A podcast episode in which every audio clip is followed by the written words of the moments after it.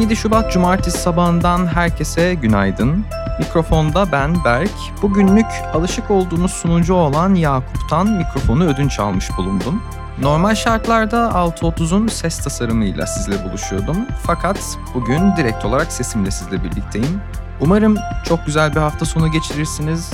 Hepinizle şimdiden tanıştığıma çok memnun oldum. TÜİK'in yeni araştırması Türkiye'de yaşam memnuniyetinin arttığını ortaya koydu. Putin'in muhalifi Alexei Navalny hapishanede yaşamını yitirdi. Finnair Hava Yolu yolcuları uçağa almadan önce tartmaya başladı. Bugünün bülteni Yapı Kredi portföy ile birlikte ulaşıyor. Geniş fon evrenindeki ürünlerle müşterilerine en kaliteli hizmeti sağlamak için çalışan Yapı Kredi Portföy, geleceğin sektörlerine bugünden yatırım yapmak isteyenlere Yapı Kredi Portföy Robotik ve yarı iletken teknolojileri fon sepeti fonunu sunuyor. Fonla ilgili ayrıntılar bültende. Bu hafta neler olmuş gelin 10 maddede birlikte inceleyelim. Erzincan İliç'teki Anagold şirketine ait Çöpler Altın Madeni'nde salı günü toprak kayması meydana geldi. 9 işçi göçüğün altında kaldı. Facia sonucu siyanürlü toprağın Fırat Nehri'ne ve çevreye karıştığı iddiaları ortaya çıktı. Olaya ilişkin gözaltına alınan 8 kişi adliyeye sevk edildi. Cumhurbaşkanı Erdoğan 11 yıl aradan sonra Kahire'ye giderek Mısır Cumhurbaşkanı Abdülfettah el-Sisi ile bir araya geldi. İki liderin ortak basın açıklamasında yeni bir dönemin başladığı mesajı verildi. Marmara Adası'ndan Gemlik'e yüklü halde hareket eden Batuhan A adlı kuru yük gemisi çarşamba günü sabah 5.30-6.30 sularında 6 kişilik mürettebatıyla birlikte Karacabey ilçesi açıklarında battı. Yetkililer 51 metre derinlikte geminin enkaz görüntüsüne ulaşıldığını bildirdi. Ulaştırma ve Altyapı Bakanlığı da teyit için dalış planlaması yapılacağını duyurdu. İsrail'in Gazze şeridinin güneyindeki Refah kentine düzenlediği hava saldırısında hayatını kaybedenlerin sayısı yüzü aştı. ABD'li yetkililer Gazze'de en az 6 haftalık insani ara için çalıştıklarını bildirdi. AK Parti'nin Küçükçekmece Belediye Başkan adayı Aziz Yeniay'ın seçim çalışması sırasındaki silahlı saldırıda bir vatandaş ağır yaralandı. Olaya ilişkin 26 kişi gözaltına alındı. Macaristan'da çocuk istismarı nedeniyle hüküm giymiş bir kişiyi affetmesinin ardından başta muhalefet olmak üzere toplumun geniş kitlelerinin tepkisini çeken Cumhurbaşkanı Katalin Novak görevinden istifa etti. Olayların ardından eski Adalet Bakanı Judith Varga milletvekilliği görevinden istifa ederek siyaseti bıraktığını açıkladı. Salı günü Ermenistan, Azerbaycan tarafından 4 askerinin öldürüldüğünü açıkladı. Azerbaycan ise bunun Ermeni güçlerinin provokasyonuna yanıt olduğunu ifade etti. Antalya'da 12 Şubat akşamı başlayan şiddetli sağanak yağış şehirdeki hayatı felç etti. Şiddetlenen sağanak yağışın oluşturduğu sel nedeniyle bir kişi hayatını kaybetti. Selden etkilenen bölge sakinleri tahliye edildi. 8 Şubat'ta ulusal meclis ve eyalet meclisleri için seçime giden Pakistan'da tutuklu eski başbakan İmran Han'ın partisi Pakistan Adalet Hareketi'nin desteklediği bağımsızlar sandıktan birinci çıktı. İkinci ve üçüncü olan Pakistan'da Nawaz Şerif ve Bilawal Bhutto Zardari'nin partileri seçimlerin ardından hükümet kurmak için anlaşmaya vardı. Türkiye'nin ilk astronotu Alper Gezer Avcı haftalar süren uzay yolculuğunun ardından pazartesi günü Türkiye'ye döndü. Gezer Avcı Cumhurbaşkanı Erdoğan'ın imzasıyla Türkiye Uzay Ajansı Yönetim Kurulu üyeliğine atandı. Günün hikayesi Rayka Kumru tarafından kaleme alındı. Sevgili kim, kimler sevgili? Sevgili kelimesini tanımı üzerine düşünmeyecek kadar sık duymaya alışkınız. Tanım çok düşünülmüyor çünkü belki de sevgililik denildiğinde insanların zihninde benzer görüntüler canlanıyor. İki insan geliyor akla hemen. Yani bir çift. Toplumun birinin kadın, diğerinin erkek olduğunu varsaydığı iki insan. El ele tutuşan, birbirlerine romantik kelimeler hitap eden, birlikte dizi izleyen iki insan. Bir gün evlenme ve çocuk yapma hayali olan iki insan. İstek, ihtiyaç ve beklentiler bu kadar çeşitliyken nasıl tek bir sevgililik görseline sıkışmayı bekleyebiliriz ki zaten? Yazının tamamına gündemden ulaşabilirsiniz. Rotalar 2023 yılında 20.2 milyon ziyaretçiyi ağırlayan İstanbul, Londra ve Dubai'yi geride bırakarak dünyanın en popüler varış noktası oldu.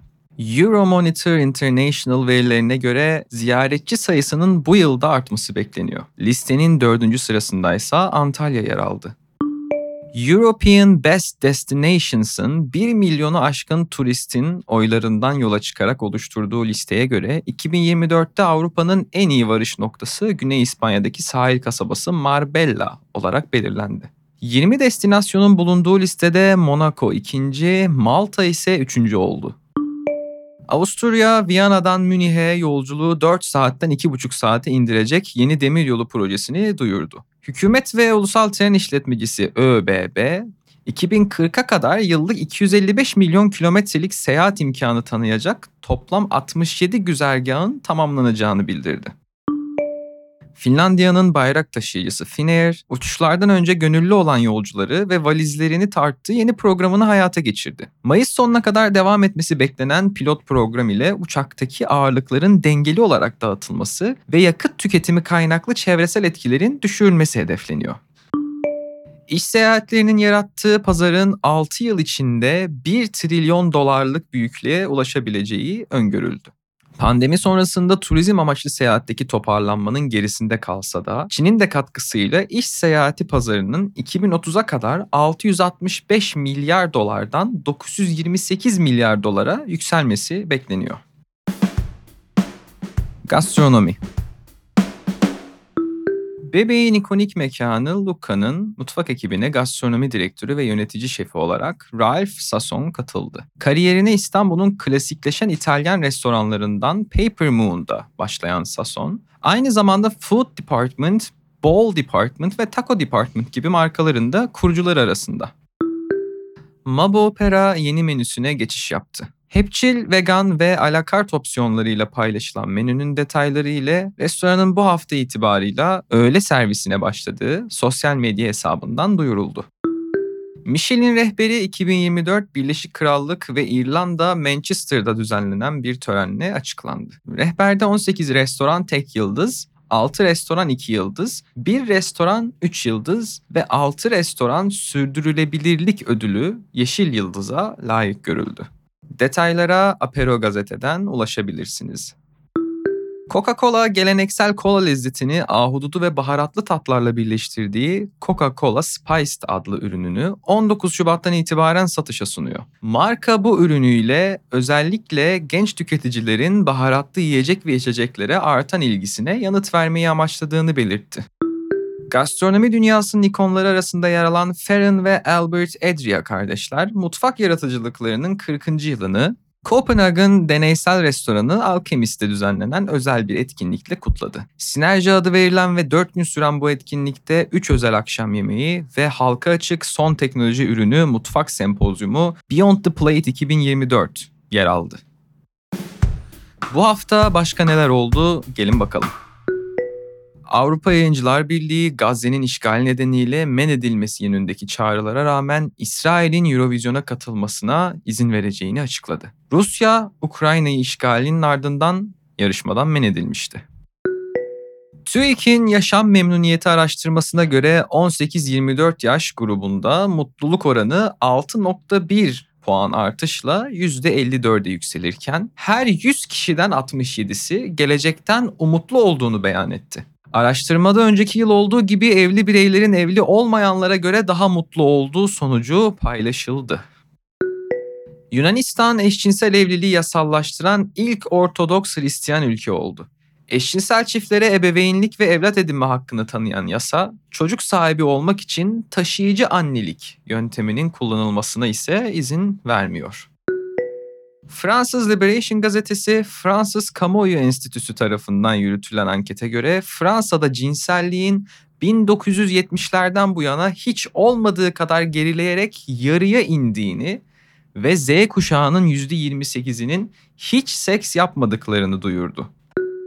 Dil uygulaması Babbel, İtalyancanın Fransızcayı geride bırakarak dünyanın en çekici dili olarak kabul edildiğini açıkladı. İtalyan dilinin müzikalitesinin bu algıda etkili olduğu belirtildi. Almanca lafı en az dolandıran dil kabul edilirken İngiliz İngilizcesi ise en kibar dil seçildi.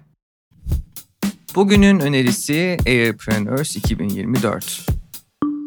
Türkiye Girişimcilik Vakfı tarafından Boeing destekleriyle ve THY Terminal İTÜ 1773 Teknopark ile IGAHub işbirliğiyle gerçekleştirilen havacılık sektörünün öncü inovasyon ve girişimcilik platformu Airpreneurs 2024 programı için başvurular devam ediyor. 18-24 yaş aralığında üniversite öğrencisi ya da yeni mezunlardan oluşan 3-4 kişilik takımların katılımıyla gerçekleşecek Airpreneurs 2024, sürdürülebilir havacılık, afet dayanıklığı, dijital dönüşüm ve yolculuk deneyimi alanlarında havacılık sektörünün dönüşümüne katkıda bulunmayı hedefliyor. Başvuruları yarına kadar almaya devam eden Airpreneurs'a başvurmak için link bültende. Evet sevgili dinleyenler 17 Şubat Cumartesi günü 6.30 bülteninin sonuna geldik. Size şimdiden çok iyi bir hafta sonu diliyorum. Ben Berk, sizle tanıştığıma yeniden çok memnun oldum. Görüşmek üzere.